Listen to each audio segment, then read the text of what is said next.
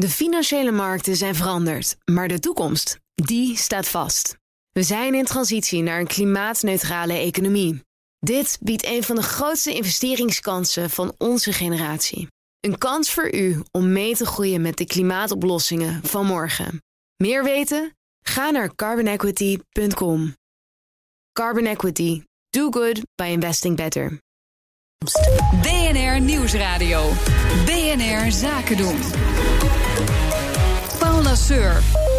Nou, zet de flessen champagne maar vast koud voor de eindejaarsrally. En het wordt tijd dat het klimaat wordt meegenomen als risicofactor in de risicomodellen van banken en bedrijven.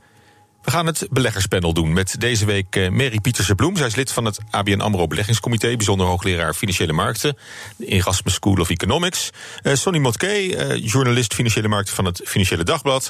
En Nico Inberg, Head of Markets and Research bij IEX. Hartelijk welkom uh, allemaal. Goed dat jullie er zijn. En we beginnen altijd bij de laatste uh, transacties. Uh, Mary, ik weet niet of, of, of, jij ook nog transacties uitvoert. Maar, absoluut, absoluut. Ja, ja, ja. Ik zit in het Global Investment Center van ABN AMRO. En wat wij gedaan hebben, is de, sex, de sectorpositionering wat meer ingericht op een voorzichtige verbetering in 2020. En aandelen die we onder dat kopje onder andere hebben aangekocht zijn van Alfa Laval. Dat is een Zweedse leverancier leverancier van uh, procesapparatuur. Uh, SAP, uh, dat is een bedrijf wat doet in softwareoplossingen en bedrijfsapplicaties. Mm. BASF kennen we natuurlijk allemaal. En ook Continental, dat is een Duits bedrijf voor banden en remsystemen. Dus ietsje meer ingezet op bedrijven die van groei kunnen profiteren. Dat is een beetje oldschool bedrijven wel. Een beetje oldschool, dat klopt. Het is dus niet echt in de. In de ja, opvallend. Uh, Sonny, jij, jij, doet geen transacties. Je mag denk ik geen transacties doen. Want nee, je dat bent, was wel onderdeel van mijn, uh, mijn contract. Ja. ja. Contractueel lastig. Maar wat had je gedaan als je de kans had, had als, als het wel had gewogen? Heb je daar wel eens over nagedacht? Nou, wat, je, wat, je, dan echt nu zou kopen? Wat ik nu zou kopen? Nou ja, ik ben nu vandaag toevallig aan het bekijken of het nog interessant is, wel of niet, of in de luchtvaart aandelen te hm. stappen. Naar aanleiding van het nieuws over Boeing. Hm.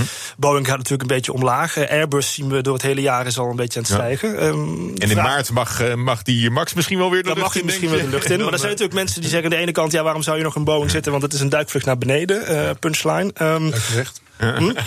Ja, maar aan de andere kant uh, is het natuurlijk ook de ultieme kans om nu in te stappen. Um, is luchtvaart. Ik, ik, ben wel, ik, al, ik, al, ik hou van risico. Ik hou van risico, eerlijk gezegd. Maar ik mag ook geen, ik mag geen uh, advies geven. Nee, het, is ook geen advies. Hoe... het is ook geen advies. Het is, uh, het is gewoon. Uh, we hebben, we hebben, want ik vraag ook aan Nico over. Ja. Wat, nou ja, Boeing heeft natuurlijk wel een enorme sterke marktpositie. En dat, het zit nu even tegen. Maar uiteindelijk zijn er niet zo heel veel kansen. Maar, maar, jullie zijn niet ingestapt nu? Nee, nee nog niet. We kijken er wel naar. wij hebben voor, voor IX, onze portefeuille, hebben we Prozus gekocht vorige week.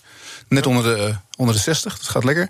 En voor mezelf ben ik ook een beetje aan het rommelen. Ik heb wat uh, um, ABN AMRO. Ik denk, vooral nu meer hier is. Denk, ja, misschien hoor ik daar wat meer over. Maar ABN is natuurlijk erg goedkoop. We wachten op die boete.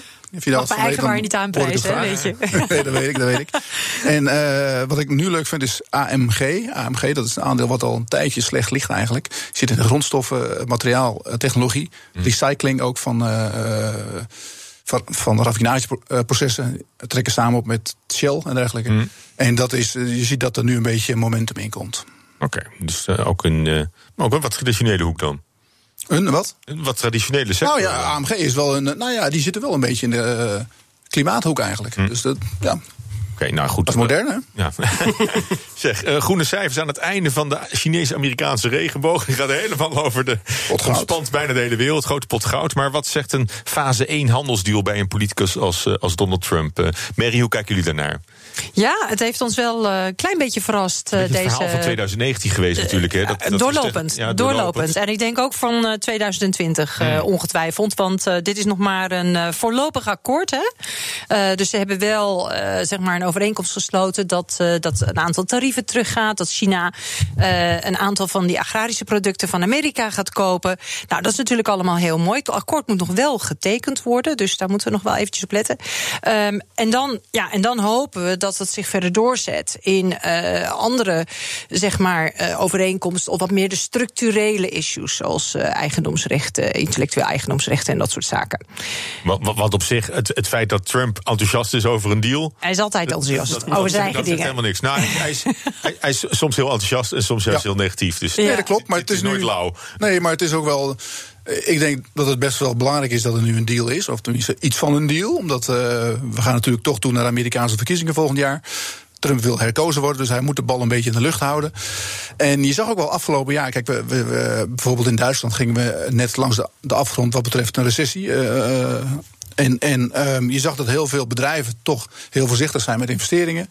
Die wachten gewoon op, op meer duidelijkheid. Dus die on, onzekerheid van die handelsoorlog en ook een beetje van de brexit hing het afgelopen jaar de hele tijd boven de markt. En nu ineens in een week uh, tijd eigenlijk begint alles een beetje op te klaren. En nou, dan moet je oppassen dat het niet, niet te hard gaat straks. Oh, juist die verkiezingen, dat zeg je heel goed. Mm. Dat is denk ik het main issue dat de mensen in hun hoofd moeten houden. Mm. Voor Trump is het heel belangrijk om een vijand te hebben. China was de grote vijand na aan dat hij gekozen werd. Dus als hij nu dat allemaal weer glad zou strijken, ik denk dat hij er juist meer gebaat bij heeft om het zo lang mogelijk uit te stellen, een definitief akkoord. En dan op het einde ofwel mm -hmm. helemaal uit te halen, of de best deal ever voor Amerika uh, ja. te doen. Maar ik wil ook even kijken, want hij is natuurlijk de man van de art of the deal. Mm -hmm. En een van de elf dingen die daarin voorkomt is, en ik, ik geef het maar mee aan beleggers, zo wederom geen advies, maar als Donald Trump altijd zegt van, I keep a lot of balls in the air, zoals mijn collega hier zegt, because most deals fall out, no matter how promising they seem at first. Oké, okay, dus, dus, dus als, als deze man daar blijft sfeer, ja, ik ja. Het is een heel groot sentiment. En uh, hou vast, deze man vindt vooral zichzelf heel belangrijk. Dus hmm. ik... Maar goed, als, als, die, uh, als, die, als die dichtbij deal, als dat dan bepalend is nu voor, de, voor het positieve sentiment op de beurzen, is dat dan wat overtrokken in jouw ogen? Nou, je ja. moet ook vooral, denk ik, het perspectief van China hierin niet vergeten. Die hebben veel lauwer en matiger gereageerd, hmm. gereageerd op dit, uh, op dit ja. akkoord. Ze hebben heel veel toezeggingen gedaan, waarvan nog maar moet blijken of ze daar ook gevolg aan geven. En dat was natuurlijk altijd het euvel, hè, ook van, van de Verenigde Staten. Um, of dat inderdaad gewoon ook in 2020 bewaarheid wordt. Dus ik denk, ja, mm. uh, opluchting. Zeker zie je ook enorm in financiële markten. Uh, natuurlijk, we zijn allemaal blij met deze fase 1 deal. Maar er zit nog, het muisje heeft nog mm. wel een hele lange staart, denk ik. Ja, op, ja. Nog, nog lang geen oplossing. Nee, maar je hebt een beetje verschil in horizon. En dat, dat komt heel duidelijk naar voren. de Amerikanen die kijken nu negen maanden vooruit, of 10, 11, zoiets. Mm. En de Chinezen werken met een horizon van 10, 20, 30, 40 jaar. Dus die, ja. die hebben gewoon geduld. Ze groeien nog steeds hard, met 6% waarschijnlijk ongeveer. Dus die, die kunnen ja. rustig afwachten wat er gebeurt. En dan natuurlijk buigen ze wel een beetje mee, want ze voelen daar ook wel de pijn van die deal. Ja. Maar de Amerikanen voelen de pijn ook als ze niet oppassen. Ja. En uh, Trump wil herkozen worden. Ja. Zij moet die, die, het gaat altijd om de economie met verkiezingen. Uh, zeker met een zittende president. En als die economie uh, uh, gewoon aan de gang blijft, gaat goed, hè, heel veel mensen hebben werk, dan heeft hij een hele grote kans om herkozen te worden. Maar het gaat nu tussen, tussen Amerika en China. Je, kunt, je kunt ook zeggen, Europa had, had mooi als lachende derde kunnen, kunnen profiteren misschien wel van, van die stijgende tarieven tussen China en Amerika. Nou, ik denk dat dat uh, in het verloop van de handelsoorlog zeer beperkt is gebleken, omdat het over een handelsstroom gaat waar Europa niet zo heel erg direct in zit. Ik denk dat er meer landen zijn geweest rondom China, zoals bijvoorbeeld Vietnam, waar de productie van Chinese bedrijven overigens zich naartoe heeft geplaatst die daarvan hebben geprofiteerd. Oké. Okay. Ja. En uh, uh, ja, misschien ook een punt van, van zorg.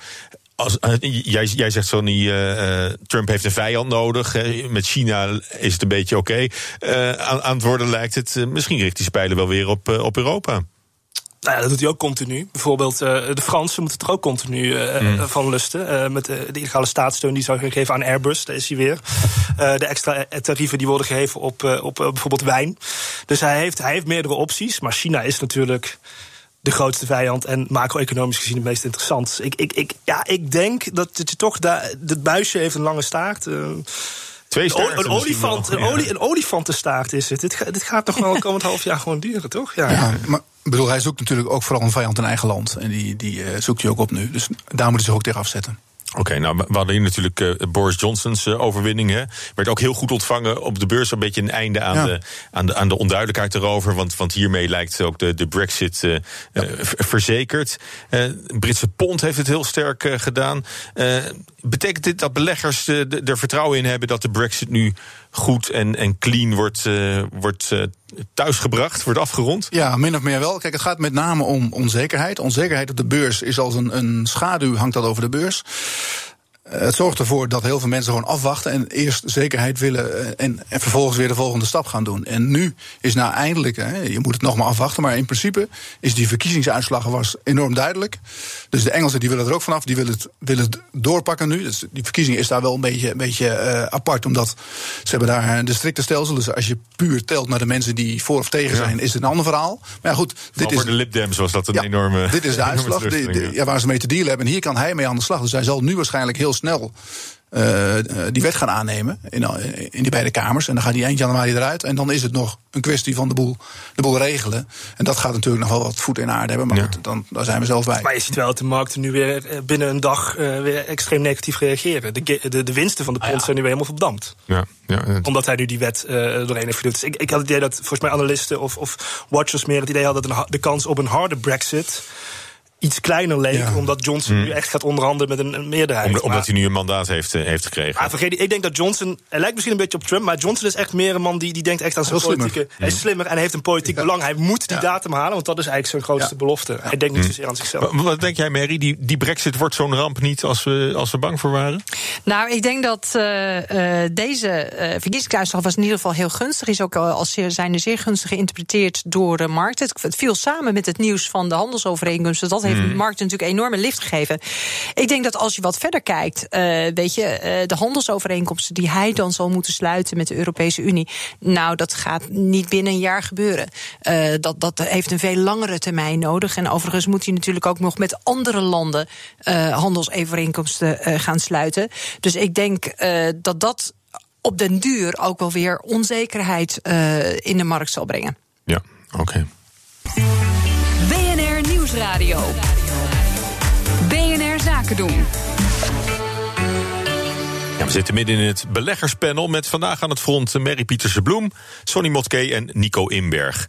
We praten over uh, het klimaat als risicofactor. De Noorse Centrale Bank die pleit ervoor dat bedrijven en banken goed de financiële gevolgen van klimaatverandering in acht moeten nemen. Zo zou er bijvoorbeeld een risicofactor klimaat in het leningenaanbod ingebouwd moeten worden. Ja, hoe, uh, hoe zien jullie dat? Uh, verhoogt klimaatverandering het risico op instabiliteit in de financiële markten? Ja, ik was niet heel erg verbaasd uh, om dit uh, verhaal te lezen. Want ik heb het ook al in Washington gehoord bij de IMF uh, Wereldbank meetings. daar zei het nieuwe hoofd van, van het Internationaal Monetaire Fonds had dezelfde boodschap. Mm. Uh, wat breed werd gedragen volgens haar uh, door uh, centrale banken. Christine Lagarde heeft het natuurlijk ook al gezegd. Ehm, dus ja, dit, dit, dit is in ieder geval wat bijzonder leeft, dit plan bij centrale banken. En ja, iets wat leeft, dat zal uiteindelijk ook uitgevoerd gaan worden, denk ik. Ja, en wat, wat zou dat voor beleggers betekenen? Bedoelen ze eigenlijk dat je niet al te enthousiast in fossiele brandstoffen moet beleggen, omdat, omdat je dan straks met die stranded assets blijft, nou blijft zitten? Die impact zie je nu wel. Hè. Je ziet dat bijvoorbeeld olie-gerelateerde aandelen... die liggen gewoon niet zo goed. Uh, Shell bijvoorbeeld blijft maar liggen op 26. Je ziet dat hele maar, maar, zou dat iets structureels kunnen zijn? Nou, dat, wat, wat hiermee te maken Je, je ziet met name dat grote beleggers afscheid nemen van dit soort aandelen. Bijvoorbeeld, we hadden hier laatst uh, de baas van ASR... Jos Baten, die, die werd gevraagd of hij ook in Aramco zou investeren. Ze nou, investeer niet eens in Shell. Hm. Die willen wel niet meer in portefeuille hebben. Dus dat, dat, dat, dat, dat geeft een automatische druk op die aandelen. Aan de andere kant, voor beleggers is het ja, belangrijk dat je naar voren kijkt. Dat je kijkt naar uh, trends, langjarige trends. En dan uh, zie je, ja, klimaatverandering is iets wat, wat aan de hand is. Je kan, je, kan, je kan het ermee eens zijn of niet, maar daar gaat in de, de komende jaren heel veel geld naartoe.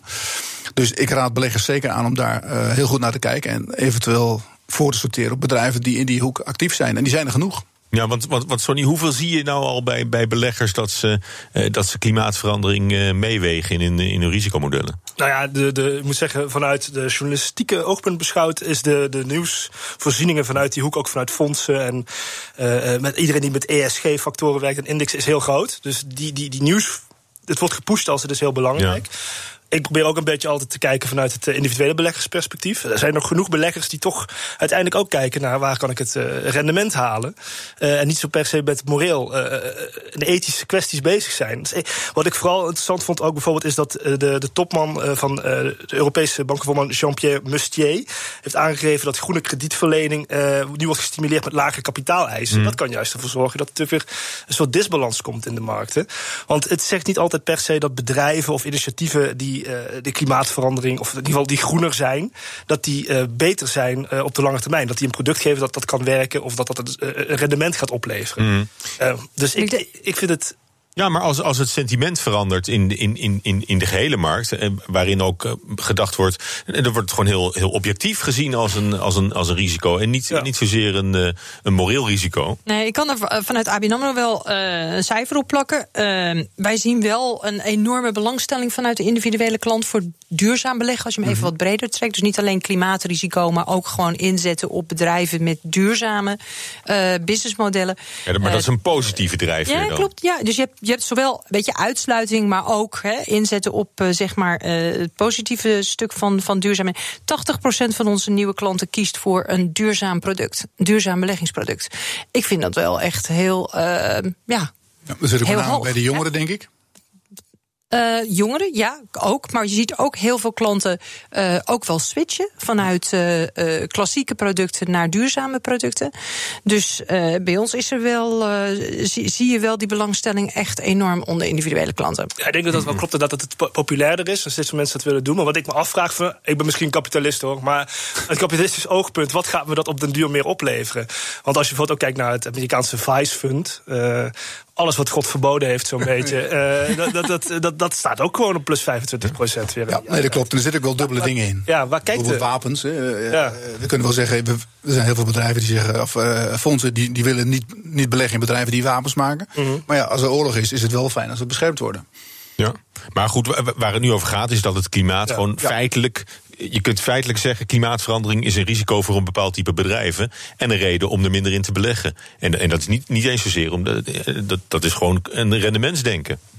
Ja, en je ziet dus nu dat ook vanuit, eh, vanuit centrale banken wordt er dus ook nog weer een flinke duw in die richting eh, gegeven. Als ze dus willen dat financiële instellingen hè, de beleggingen op hun portefeuille, de kredieten op hun portefeuille, ook op die manier zeg maar in kaart gaan brengen en gaan wegen.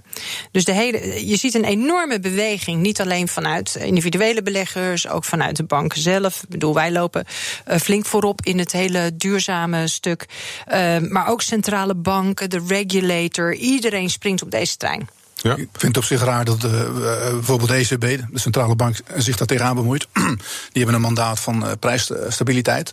Eh, wel interessant wat ze daarover zeggen. Dat ze de inflatiedoelstelling wellicht wat, wat omlaag willen, willen halen. Maar ik vind dat de ECB zich gaat ja, bemoeien met eh, klimaatdoelen, vind ik echt een uh, brug te ver. Nou ja, maar- is het dat ook als het, als het er alleen maar om te doen is dat er goed gerapporteerd wordt en dat het, dat het geanalyseerd wordt? En dat je het meeneemt en dat je transparant bent in, in hoe je exposure is naar beleggingen in, eh, in, in klimaatriskante eh, bedrijven? Ja, nee, dat, ik vind wel dat uh, dat onderscheid moet je wel maken, inderdaad. Want dat is waar we het nu over hebben. Waar Christine Lagarde het ook over had op enig moment, kort geleden, was dat ze het uh, kwantitatieve verruimingsprogramma wil inzetten om duurzame obligaties te gaan kopen. En daar ga je wel heel ver, vind ik. En dan ga je heel ver. Ja, dan ga je heel ver, heel veel verder, ja. Echt uh, buiten haar mandaat. En, en uh, bedoel, de ECB die heeft denk ik genoeg aan haar hoofd met, met alle de bankenproblematiek in Europa nog. En om de achterkant te regelen. En dat lijkt me iets voor, uh, voor de politiek. Oké. Okay. Nou, haar vorige baas, het IMF, die heeft onderzocht dat het sentiment van nieuwsberichten, en ik kijk Sonny al even aan, een aanzienlijke invloed kunnen hebben op de financiële markten. Voel je je ook aangesproken? Ja, wij hebben het natuurlijk altijd gedaan. Nee, ja, ik vind het, ik zag dit, ik vind dit zo'n ja, ik vind het heel moeilijk in te schatten. Hoe dat, ik vraag me ten eerste af hoe dat onderzoek precies is gedaan. Dat werd me niet helemaal duidelijk. Ook stond er in het bericht van, nou, we weten ook niet, er zijn heel veel vragen nog onbeantwoord. Maar swa, uh, dit wordt dan even meegedeeld. Mijn grootste vraag is, is het de kip en het ei? Want als ik zie dat iets misgaat, dan schrijf ik dat ook op. Dus volg, volg ik nou de markt of volgt de markt mij? Je, je hebt het gewoon heel snel in de gaten. ja, dat, of ik ben je weet het of the universe, ja. ik de FD, of, of niet. Dus, uh, maar misschien is het belangrijker, hadden ze niet kunnen onderzoeken... wat is de dynamiek hier precies? Want heel veel berichtgeving wordt ook... Uh, s ochtends uh, loopt die Bloomberg Terminal vol met persberichten en tweets natuurlijk mm. van Trump. Die zijn ook al heel erg emotioneel beladen. Misschien moet je gewoon linguïstische onderzoek doen van hoe dat een impact heeft op de koers. Maar goed, het beleggersklimaat wordt, wordt door een goed nieuws show. Hè? Ook, ook Ja, als we het hier hebben van. eh, we zitten weer in de eindejaarsrally en dat is, het is elk jaar raak. Opgehyped. Zet de champagne maar koud, hoor ik mezelf nog zeggen. Eh, Dat klopt, dat klopt. Als je kijkt op de beurs van, van dag tot dag, worden we heel erg gedreven door, door, eh, door nieuwsberichten. Dat doen we zelf allemaal mee. We maken heel veel lawaai, heel veel ruis. Mensen vinden het ook leuk om daarover over te lezen. Uiteindelijk gaat het natuurlijk om de winsten van de bedrijven en de rente. Maar de, de, ja, van dag tot dag wordt er heel veel op, op eh, nieuws gestuurd. En er zijn ook algoritmes die juist eh, die, die handelen op nieuws. En die zoeken gewoon op Google. Je kan nu met. met Big data kan je natuurlijk alles naar boven halen. En als je ziet dat er, dat, dat er bijvoorbeeld veel gezocht wordt op een bepaald woord, nou, dan wordt daar actie aan, aan, eh, aan verbonden. Ja, want dat, dat is inderdaad hoe ze dit onderzoek hebben gedaan. Ze hebben gewoon 4 miljoen nieuwsberichten gescand met algoritmes.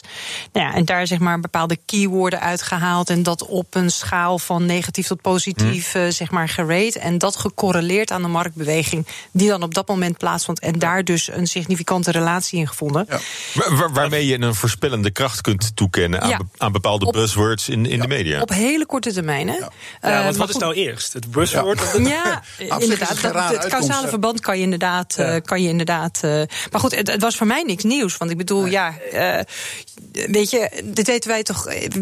Iedereen die dagelijks in de markt zit, weet Het toch al lang dat het. logisch. eh, Als er allemaal, negatief nieuws over een aandeel naar buiten Ja. komt, ja, is de kans groot dat het aandeel omlaag gaat. Niet, ja, Ja. Niet, Niet omhoog. ja, Ja. niet alleen het Dus het is- aandeel, het maar de hele beurs aan maar zich. dan, heeft de pers het goed gezien. Nou ja, die heeft gewoon een signaleringsfunctie en dan vervolgens wordt erop gehandeld. Nou, de pers heeft een, belangrijke, eh, heeft een belangrijke rol. En ik wil in dit kader ook nog even wijzen op een heel mooi boek... wat net uit is gekomen, dat heet Narrative Economics. Ik weet niet of je dat hebt gezien, van Robert Schiller, is een eh, eh, Nobelprijs, Eh, nou, die heeft het erover hoe verhalen de ronde doen in financiële markten worden opgepakt, worden nagepraat, worden opgeklopt. En hoe sentiment bepalend dat eigenlijk is in de dynamiek en dan ook de economie beïnvloedt. Zeker een aanrader voor onder de kerstboom. Oké, nou, het, leuk, leuk boek. Dat is meteen een, meteen een tip. Het IMF eh, eh, heeft ook eh, ge- gezien in, in, in dat rapport dat beleggers vooral op buitenlands nieuws reageren. Nou is dat voor Nederland niet zo gek natuurlijk, want we hebben heel veel buitenland. Ja.